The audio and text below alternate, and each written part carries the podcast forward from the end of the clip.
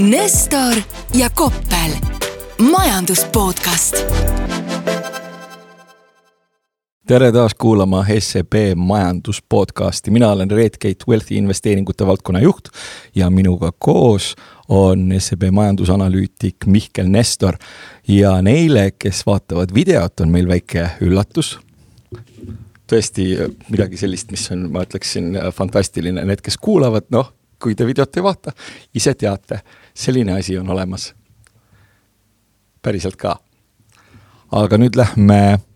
päris teemade juurde. Mihkel, sa tahtsid vist äh, öelda, et äh, võtame selle aasta kokku ja lähme laiali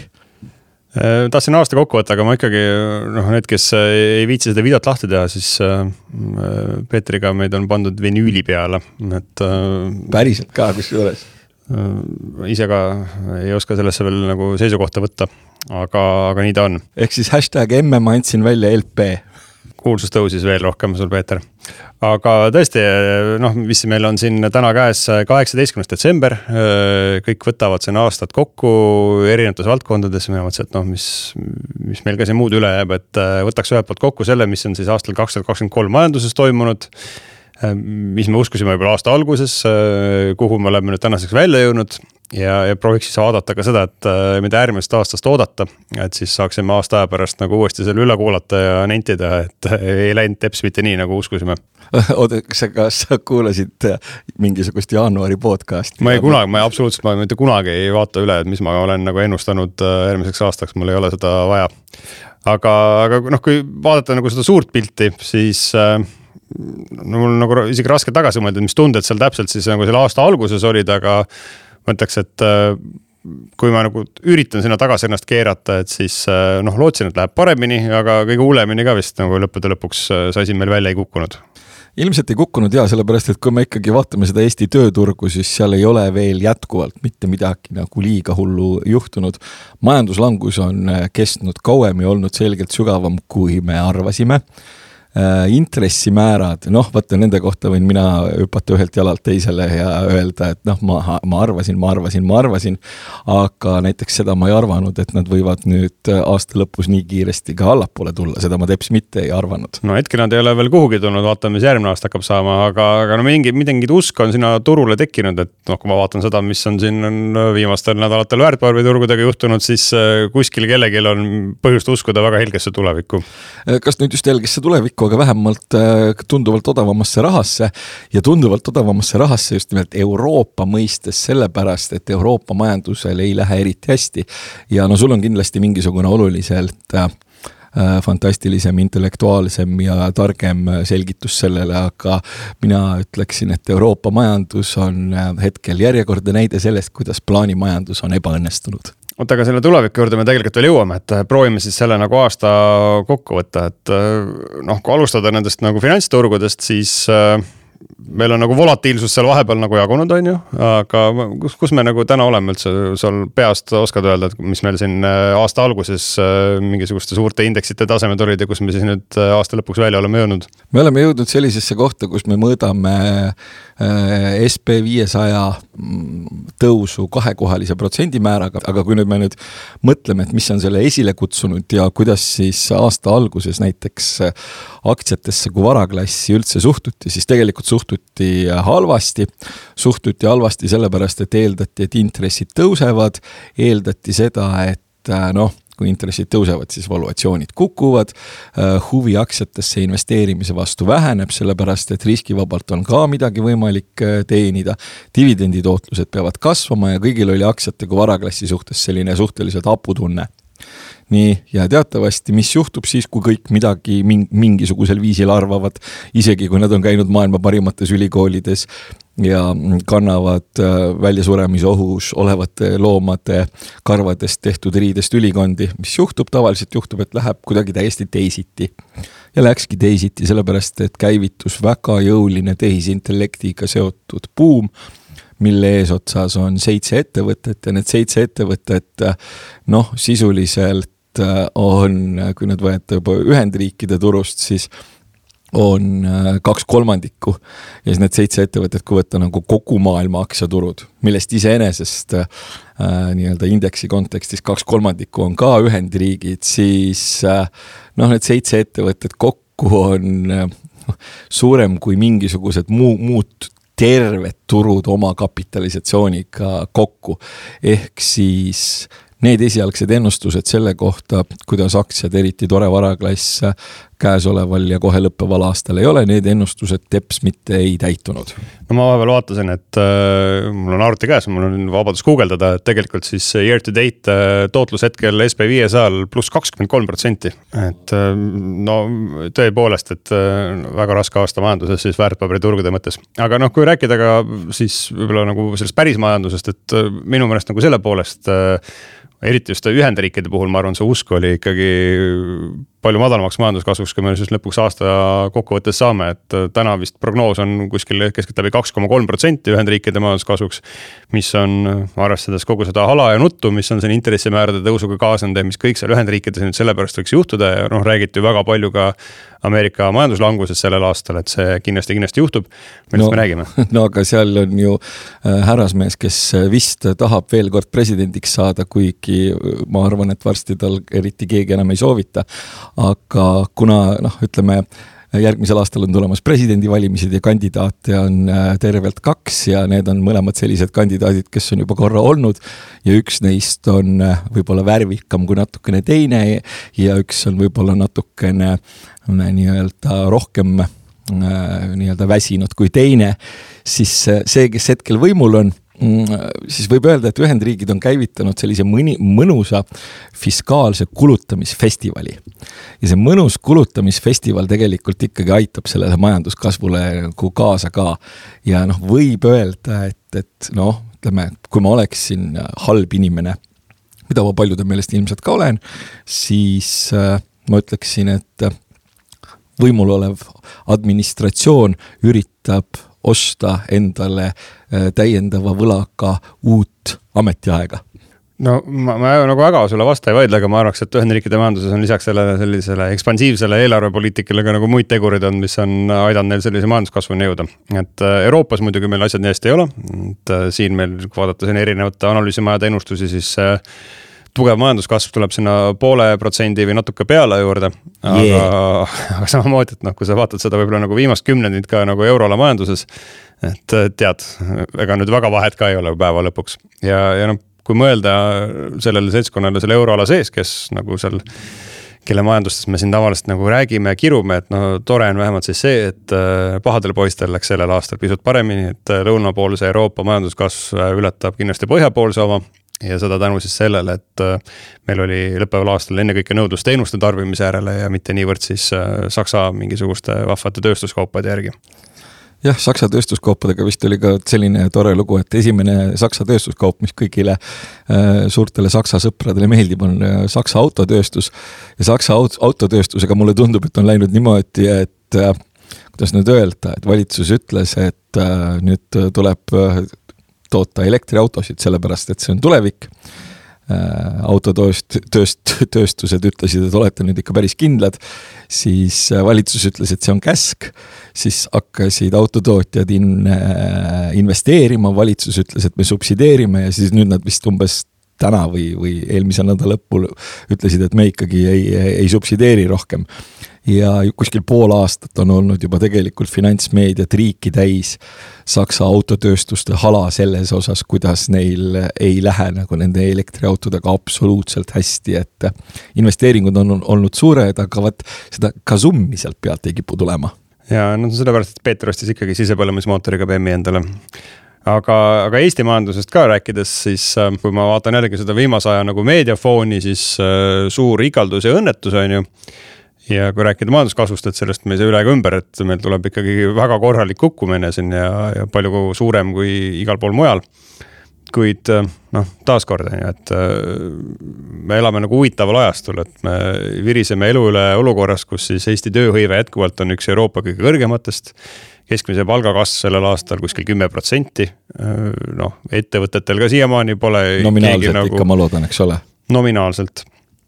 aga, aga ka ettevõtete poole pealt, et noh, keegi siin uksi sulgenud ei ole suure majanduslanguse tingimustes. et äh, noh, see ongi see põnev vastuolu, millest me siin oleme juba varem rääkinud, ongi see nominaalne kasv ja reaalne kasv, et kui me reaalselt oleme sügavas majanduslanguses, et siis ka nominaalselt on ju siin veel kolmandas kvartalis majandus tõusis. küll protsendi jagu, aga mitte väga palju. ehk siis äh, kokkuvõttes jah, et midagi rõõmustavat siin sellel aastal kindlasti majanduses ei olnud kuid äh, noh, kui rääkida mingist suur, suurest kriisist või, või noh, praegu on niisugune fun fact on ju see, et äh, Eesti majanduste või Eesti majapidamiste tarbijakindlustunne on siin äh, aastast tuhat üheksasada üheksakümmend neli. täpselt sama õudne elu on meil siis kui nagu üheksakümne neljandal aastal, siis sellega mul on endiselt objektiivselt väga-väga raske nõustuda jah, mis puudutab neid sisepõlemismootoriga autosid, siis ma ikkagi tahaksin kuulajale meelde tuletada, et Äh, sul on ka üks selline ja ma soovitan minna sellega kuhugi kalamajja parkima. et siis sa saad kindlasti endale veel populaarsust juurde. no ma ootan selle Saksa valitsuse direktiivi ära, et ma peaks elektriauto ostma aga veel nende Eesti majandussektorites ka, et noh, et jälle me oleme sellest hästi palju sellel aastal rääkinud, et äh, seis on väga nigel töötlevas tööstuses, kus me oleme mahtude mõttes langenud sinna aastasse kaks tuhat kaheksateist. aga ka mis puudutab seda sisemajandust, on ju, noh, tegelikult teenuste tarbimine on olnud sellel aastal päris tugev siin restoranid küll äh, kurdavad, aga, aga tegelikult pole häda midagi, on ju, kliente enamusele jagub. Äh, jaekaubanduses jah, meil on mahtude langus, aga noh, kuhu need langenud on, on siis aastasse kaks tuhat kakskümmend üks. mis äh, polnud teab mis nagu kehv aasta, ma arvan, keskmise jaekaubandusettevõtte jaoks, ehk siis justkui kui tunne on õudselt halb, aga, aga noh, päriselt midagi väga kehva pole veel juhtunud jah, aga kui sa lähed nüüd sinna Euroopasse ja hakkad vaatama neid meie peamisi ekspordipartnereid ja kellest siis meie käekäik ka paljudki sõltub, siis no mina ei ole ühtegi sellist ettevaatavat indikaatorit äh, näinud, äh, mis oleks võib-olla tulnud mujalt kui kuskil mingisugusest valitsusinstitutsioonist, kes oleks öelnud, et hakkab, hakkab nagu paremini minema. tarbijad ütlevad, et suhteliselt õnnetu on, ettevõtjad ütlevad, et suhteliselt õnnetu on, järgmise aasta suhtes mingisugust sellist rõõmust, rõkatamist nagu küll kuskilt näha ei ole ja see on mind äh, tegelikult pannud ka selle Eesti osas veidikene nagu muretsema, et noh, ma pakuks, et äh, need sellised paariprotsendilised majanduskasvu prognoosid, mis meil järgmiseks aastaks on, et need on optimistlikku võitu äkki. no kui sa tahad sinna nagu tulevikku minna, et võtame siis, äh, tõmbame kahe tuhande kahekümne kolmandal aastal joone alla, et äh, tead, midagi head ei olnud, aga oleks võinud ka hullemini minna. Äh, aasta kaks tuhat kakskümmend neli, kui neid majandusprognoose jälgida, tegelikult tundub, et äh, tuleb nagu suhteliselt sarnane, et vähemalt euroala puhul see, need majanduskasvu prognoosid on umbes samasse auku, kus nad on sellel aastal. ehk siis räägitakse sellisest umbes pooleprotsendisest äh, majanduskasvust, võib-olla natuke peale, mis ei ole eriline majanduskasv, aga noh, teisalt ma ei tea, tulime kuidagi ots otsaga kokku nagu sellel aastal, et vaatame, mis järgmisel saab. aga noh, meie jaoks kindlasti raskus on see jah, et mis puudutab meie peamiseid kaubanduspartnereid, et Soomele samamoodi ennustatakse kuskil poole protsendist majanduskasvu, aga, aga Rootsi äh, vasunnik, et see on siis üks riik, kus tõenäoliselt ka järgmisel aastal veel majandus langeb. SEB prognoosib miinus null koma nelja protsenti skp muutust ja, ja see on suuresti siis jällegi seotud äh, endiselt sealse ehitus- ja kinnisvaraturuga, kus siis järgmisel aastal ükski kellu ei tõuse ja segumasin ei pöörle see on jah uskumatu, kui ma nendele null koma nagu liikumistele mõtlen ja nende prognoosimisele. noh, vaata, sina oled päris makroanalüütik ja mina olen selline harrast-, harrastusvallatleja. et noh, kas nagu sihukest null koma neljast prognoosi on üldse nagu mõtet teha, et noh, see, see ei ole ju põhimõtteliselt mitte midagi. selle erakordselt suure tõenäosusega e, sellega nagu nüüd täppi küll ei lähe Äh, amet kohustab, ma arvan, meid, aga viimasel ajal võiks, aga kui sa räägid nagu miljarditest, on ju, et kui sa, üks on see null koma nelja protsendine muutus sul mingi suhtelisel skaalal, aga noh, kui sa hakkad selle nüüd absoluutnumbritesse panema, siis see on päris oluline, et kui seal mitu miljardit sealt tegelikkuses nagu vahet tuleb. Jah, aga ma ikkagi jään selle seisukoha juurde, et kui nagu äh, hakata prognoosima komakohti, siis äh, juba on kuskil natukene võib-olla äh, no ma ei tea, ühesõnaga ma oleks valmis mingisuguse kihlveo kelleltki vastu võtma, kasvõi selle vinüüli peale, et, et, et, et ei tule see majanduskasv ega langus mingisugune null koma protsenti, et seal ikkagi tulevad mingid päris numbrid peame, Peetri jaoks peab olema absoluutarv. aga kui veel nagu nendest suurtest majandustest rääkida, et siis äh, noh, kui Euroopa puhul räägitakse suhteliselt sarnasest nagu suurusjärgust järgmiseks aastaks, siis äh, USA-s arvatakse ikkagi, et see praegune majanduskasv, et see, see ei saa olla jätkusuutlik ja et järgmisel aastal siis selle üle kaheprotsendise kasvu asemel tuleb selline natuke üle üheprotsendine kasv, aga noh, kui sa seda praegu jällegi finantsturgude pilti vaatad, siis äh, finantsturud justkui oleks mingisugusel teisel arvamusel no finantsturud vaatavad äh, kuus kuni üheksa kuud ette ja ilmselt äh, loodavad, et kõigepealt lähevad intressid alla ja siis läheb jälle pidu uuesti käima. aga vaat selle pidu uuesti või peo uuesti käima minemisega on see probleem, et kui pidu päriselt uuesti nagu käima, käima läheks, siis tuleks põõsast välja jälle meie mitte kõige suurem sõber inflatsioon ja siis peaks hakkama jälle seda, ohjama. nii et noh. räägi sellest, seda pole enam olemas. see, see on täiesti, see on täiesti kenasti olemas ja kui sa ajalugu vaatad, siis see on selles mõttes hirmuäratav, et noh, nagu me oleme, me oleme varem sellest rääkinud, et. et inflatsioon, et see on nagu see koroonaviirus, et see käib lainetena. ja viimati, kui see lainetena käis, siis teine laine oli esimesest lainest hirmsam. ja noh, kui me nüüd mõtleme näiteks kasvõi sellele, et noh, sellisele riskile kasvõi sellises kontekstis, et, et, et, et, et mis energiahinnad võivad teha, siis energiahindadega on selline lugu, nagu nad sellel aastal teinud on, nad võivad teha sõna otseses mõttes kõike ja selle kõik tegelikult hõlmab ka seda, et nad võivad kiiresti tõusta ja ka ainuüksi selle energiahindade kiire tõusu äh, peale on võimalik nagu ehitada jälle üles mingisugune inflatsioonilaadne koll. Rääkimata muidugi sellest, et Ühendriikides see tööturg on jätkuvalt suhteliselt pingeline no energiahinnad, ma olen aru saanud alati, et need prognoosid on see, et äh, tänane hind ja natukene juurde, et siis äh, võime sellega arvestada ja siis vaata, mis skp sellest nagu välja imeb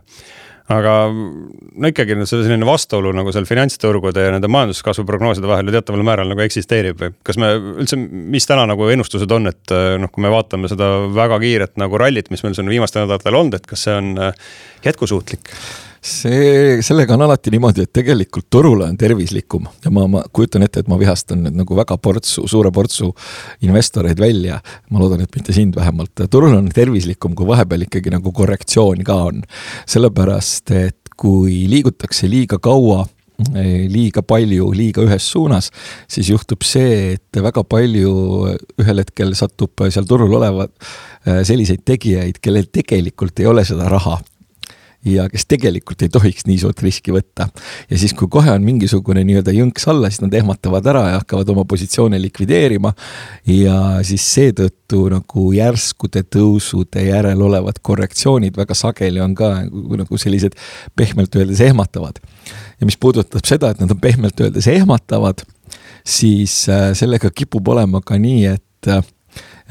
siis ka need on ju, kes teavad, et need korrektsioonid on pehmelt öeldes ehmatavad ja need, kes, kas tegelikult on teinud teadlikke otsuseid ja on olnud rohkem investorid kui spekulandid, siis ka neil kipub mingisugusel hetkel nagu närv üles ütlema ja siis see korrektsioon on veel sügavam. ja siis, kui nad on oma positsioonid realiseerunud, siis loomulikult ähm, tuleb põrg, põrge ja turg võtab, jätkub, jätkab oma mingisugust sellist liikumist. Peaasi, et see liikumine oleks sellises suunas, et võimalikult paljudel turu turuosalistel oleks võimalikult valus ja no ma loodan, et minul ei ole valus. üks regioon, millest me nagu ei ole veel rääkinud, on selline äh, arenev maailm äh, ja, ja no siin on jälle nagu viimastel nädalatel minu arust Hiina hästi palju läbi käinud äh, teemast, et taas on nagu tärganud selline optimism, mis siis sellel aastal kustutati, et Hiina majandus on see, mis siis maailma majanduse sellest soost välja veab, aga, aga uued prognoosid, mis on tehtud, et sellel aastal on jälle pisut nagu ülespoole korrigeeritud, selline eriti viimasel ajal usutakse, et äh, nüüd lõpuks see Hiina tarbimine ikkagi äh, hakkab jälle jalgu alla saama ja hakkab ekspordil paremini minema ja tegelikult midagi väga hullu ei juhtu sealse kinnisvaraturuga, kuna riik on siin kohati oma regulatsioonidega, mis nad seal vahepeal muutsid, tagasi tõmmanud. noh, saame näha jälle, ma ütlen, aga seal on nende prognoosidega muidugi see lugu, et kuskil siin mingisugusel sellel ajal, kui päike veel paistis, oli Kuku raadios välismääraja saade, kus Neeme Raud võttis Eesti suursaadikut Hiinas, härra Hansot äh, nii-öelda pinnis päris korralikult. Otsige see üles, kuulake läbi, sellepärast et härra Hanso seletas väga hästi ära, äh, mis seal majanduses tegelikult toimub ja millised on peamised probleemid. aga mis on Hiinas huvitav, on see, et noh, kui jällegi anda Koppelile Bloomberg kätte, siis mida Koppel vaatama hakkab, Koppel hakkab loomulikult vaatama seda, et mida teeb keskpank ja mulle tundub, et äh, Hiina on see koht, kus siis erinevalt äh, näiteks Euroopast ja erinevalt äh, Ühendriikidest keskpanga bilansimaht on hakanud kasvama. ehk siis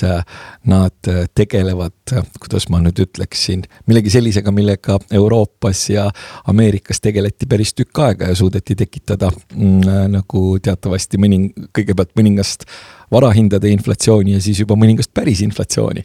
nii et äh, noh, nad on asunud stimuleerima ja nüüd on ainukene küsimus see, et kas see stimuleerimine äh, mõjub äh, kuidas ta mõjub, kaua ta kestab, sellepärast et kui me nüüd nagu struktuurselt hakkame vaatama, siis noh, ma ikkagi oleks natukene mures, sellepärast et esiteks ühe lapse poliitika on tekitanud olukorra, kus kõikidest kohtadest nagu maailmas Hiina on nüüd see koht, kus hakkab rahvastiku vananemine problemaatiliseks muutuma siis kõik sellised madalalt rippuvad ubinad on ära majanduskasvu osas äh, nopitud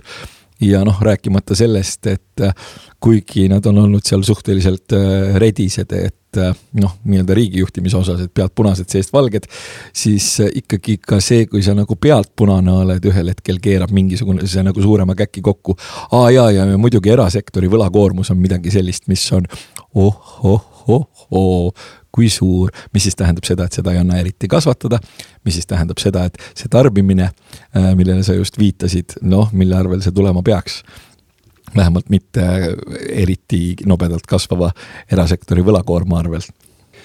nii, aga kui me tahame Eesti juurde ka jõuda, et siis äh, tõmbaks sellele globaalteemale võib-olla korraks joone alla, et äh, noh, kui ma ütlesin, et täna Ühendriikidele ennustatakse kuskil siis äh, pealt üht, üks protsent skp kasvu, Euroopas kuskil natuke üle null koma viie protsendi. siis äh, kuidas sina sellesse suhtud, et mina ütlen, et äh, ma, mina olen alati sihuke peavoolumees, on ju, et ma arvan, et see on umbes ligilähedane sellele, mis meid ootab. aga kui ma pean nagu valima, et mis on see alternatiivstsenaarium, siis ma täna isegi ütleks, et pigem ma olen nagu, arvaks, et äkki võib natuke rohkem tulla langust või kasvu, kasvu. ei äh,. väga hea, kui sa jääd eriarvamusele. ei, selles mõttes, et äh, kui ma nüüd nagu seda Euroopat vaatan, siis äh, mul on ikkagi niisugune tunne, et siin on mingisugust ime vaja selleks, et siin mingisuguse päris kasvu ikka välja veaks, et noh, mille baasilt see nüüd nagu tekkima peaks siis ma ei saa sellest nagu väga aru, et ma siis arvan, et see Euroopa jääb omadega veidikene sügavamasse miinusesse, kui nüüd just jälle ei tekitata sellist olukorda, et, et oi-oi, tõmbame intressid nüüd hästi kiiresti alla ja üritame majandust stimuleerida. ja noh, nagu ma ütlesin, et siis tuleb põõsast jälle inflatsioon ja siis on jälle teistpidi häda. et ma arvan, et Euroopal ei ole nagu eriti hästi, teine asi on see, et mis puudutab Ühendriike, siis Ühendriikides, kas need see suuremaks äh, nagu või huvitavaks läheb olukord vist, kas see oli novembris või, et millal nad selle äh, nii-öelda valiku tegema peavad selle, sellise tegelase vahel, kes on äh, värvikas ja sellise tegelase vahel, kes enam väga ei jaksa, et vist, vist oli kuskil novembris. ja noh, see tähendab siis seda, et ilmselt mingisugusel viisil hakatakse nagu seda ürit-, kasutama erinevatel viisidel, erinevatele turgudele nii-öelda sisse hinnata. ja selle, selles kontekstis võib hästi palju hästi kiiresti muutuda ja võivad need arusaamad hästi kiiresti muutuda. sellepärast, et noh, mina mäletan äh, seda, kui äh, suur oranž äh, viimati võitis, siis ikkagi oli see totaalne šokk mm, ka väga paljudele turuosalistele, küll mitte kõigile, see oli erakordselt huvitav, oli lugeda mingisuguste äh, väikeste investeerimismajakeste äh, prognoose, kus nad ütlesid, et teate, et tuleb major surprise ja sellest tuleb nii-öelda üht-teist järeldada. aga see põhimõtteliselt võtab, genereerib ilmselt järgmisel aastal kohati päris mahlaselt volatiilsust ka sealsete majanduskasvu ootuste osas. seal, sealsete intressimäära ootuste osas sea- ja, ja tõenäoliselt ka sealsetel turgudel. nii et ma olen Euroopa suhtes pessimistlik ja Ameerika suhtes noh, ütleme niimoodi, et tuleb varuda popkorni ja hoida stopp-lossid võimalikult lähedal no ameeriklasena elaks veel nii kaua kuidagi, kuni, kuni siis töö hetk saabub seal. aga, aga tulles Eesti juurde, et äh, võtaks siin ka kiirelt kuidagi selle äh, ootused kokku, et noh, meil SEB-s on ametlik prognoos äh, skp kasvuks järgmisel aastal null koma neli protsenti, uskumatu, uskumatu. Aga noh, mis inimesi rohkem huvitab, on ikka nagu sisulises plaanis, et kuidas siis nagu minul minema hakkab või kuidas minu ettevõttel minema hakkab. Ja ma ei tea, kui seda võib-olla struktureeridagi niimoodi, et ettevõtted versus majapidamised siis noh, selline jutt, mis mina olen praegu rääkinud, on see, et tõenäoliselt meil tööstussektori jaoks järgmine aasta on endiselt raske. eriti siis kogu see seltskond, kes sinna Põhjamaadesse oma puitmaju ja aknaid uksi viis et ma noh, nende puhul mul on nagu väga keeruline näha, et siin mingisugune ime neid äh, sellest praegusest äh, väga keerulisest situatsioonist välja päästaks. aga, aga ülejäänud seltskond selles samas tööstuses noh, kui ma vaatan nagu seda, mis on seal Euroopas keskmisena toimunud ja kuhu nemad oma kaupa viivad, siis äh, jah, et jällegi mingid äh, näpud püsti siin ei tule, aga no tõenäoliselt kuidagi niimoodi enam-vähem äh, seda praegust taset võib-olla nõksa allapoole, võib-olla nõksa, nõksa ülespoole kuskil sektoris äh, suudetakse hoida. Ja, noh, sisemajanduse poole pealt, et noh, kõige põnevam muidugi on see tööturu situatsioon, mis võib seda pilti muuta, aga no ma arvan ka, et see keskmine sihuke Eesti mingi jaekaubandusettevõte või teenindusettevõte, et äh, jah, et mingit imelist kasvuaastat siit kindlasti ei tule. kuid äh, noh, suures plaanis ka, et midagi väga hullu ei tohiks juhtuda, et need äh, mingisugune korrektuur on siin juba praegu ära toimunud ja noh, kui meil need suured vahvad majandusprognoosid maailma majandusele ja Euroopale ja USA-le peavad enam-vähem, siis siis võiks see nagu sihuke liikumine külgjoones kuidagi edasi minna ma absoluutselt ei taha mitte sinu kallal norida, aga ma tulen jälle nende selliste null koma nagu prognooside juurde tagasi, no ma jällegi olen valmis millegi peale kihla vedama, et tuleb mingisugune päris number, et see ei tule null koma ühes või teises suunas. ja mina kahtlustan, et kui ma, kuna ma näen seda Euroopat suhteliselt nõrgukesena, siis võib paraku tulla ikkagi teises suunas ka, ka, ka tuleval aastal aga kui sa nüüd äh, kellelegi kaasa elad järgmine aasta ettevõtetest, et kes see siis on? Põhimõtteliselt mina elan äh, kõigile neile kaasa, kes äh, sellises, ütleme nii, noh, üha keerulisemaks muutuvas regulatiivbürokraatlikus keskkonnas suudavad vastu pidada. kõigil, kõik on hästi tublid, kes sellega hakkama saavad hästi, aga mis ütleme lihtsalt inimest muidugi huvitav on see, et kas mu töökoht säilib ja kas ma palka juurde saan, et noh, siin, kui ma pean mingi ennustuse tegema, siis äh, peaaegu kõigil meil jääb töökoht alles. Äh, kui sa töötasid äh, Võru lähedal puidutööstuses ja sinu ettevõte eksportis äh, Rootsi uksi, siis ma ei tea, siis ma olen natukene skeptiline, et võib tulla ka suhteliselt kehvakene aasta. aga noh, ma olen niisugune makromees on ju paratamatult, et tunnen kõigile kaasa, et noh, kelle jaoks järgmine aasta saab olema nagu isiklikus plaanis keeruline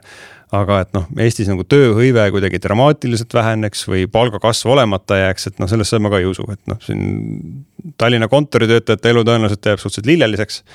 Keskmine palk äh, prognoosime siin kuskil kuue poole protsendist palgatõusu, et kuna lihtsalt puhtalt seetõttu, et see enamuses sektoritest ju endiselt äh,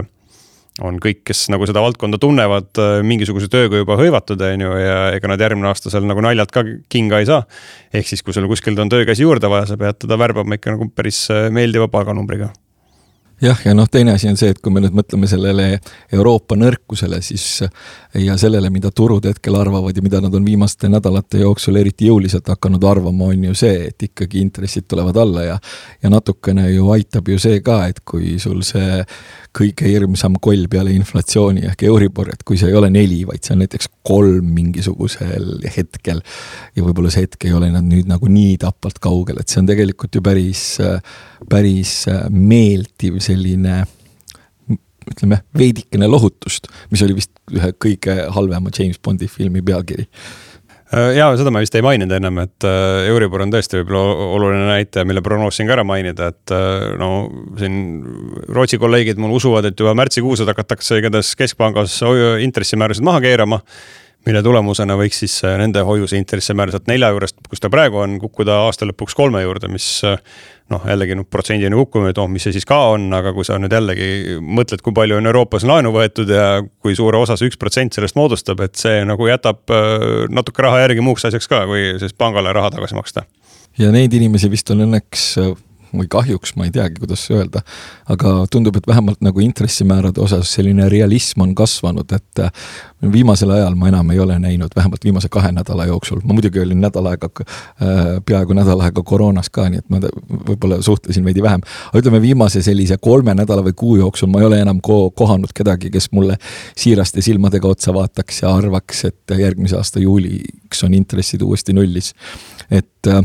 veel mõnda aega tagasi olid sellised inimesed täiesti olemas ja kusjuures olid sellised inimesed, kes muidu nagu teavad asjadest. aga mind võtsid need vähemalt äh, toona kukalt sügama ja mõtlesin, et ei, ei, ei, ei. no suuremad pessimistid, noh nulli vist ei pakuta, aga suuremad pessimistid arvavad, et kukub kõvasti, on ju, et kuna Euroopa majandusel läheb nii halvasti. ei vaata need, kes põhimõtteliselt arvasid, et nulli läheb, need olid nagu optimistid just nimelt iseenda suhtes. aga tõmbame siis kokku selle aasta viimase taskuhäälingu. Te kuulasite taskuhäälingut Nestor ja Koppel, mis tähendab seda, et teiega rääkisid Nestor ja Koppel ja uuel aastal uuesti ja päriselt ka me andsime vinüüli välja. jah, ja noh, kuidas jah, siis äh, järgmise aasta kokku võtta ka, et äh, noh, elame veel. jah, äh, madalamat Euribori ja madalamat rahva, rasvaprotsenti, kõike head. Nestor ja Koppel, majandus podcast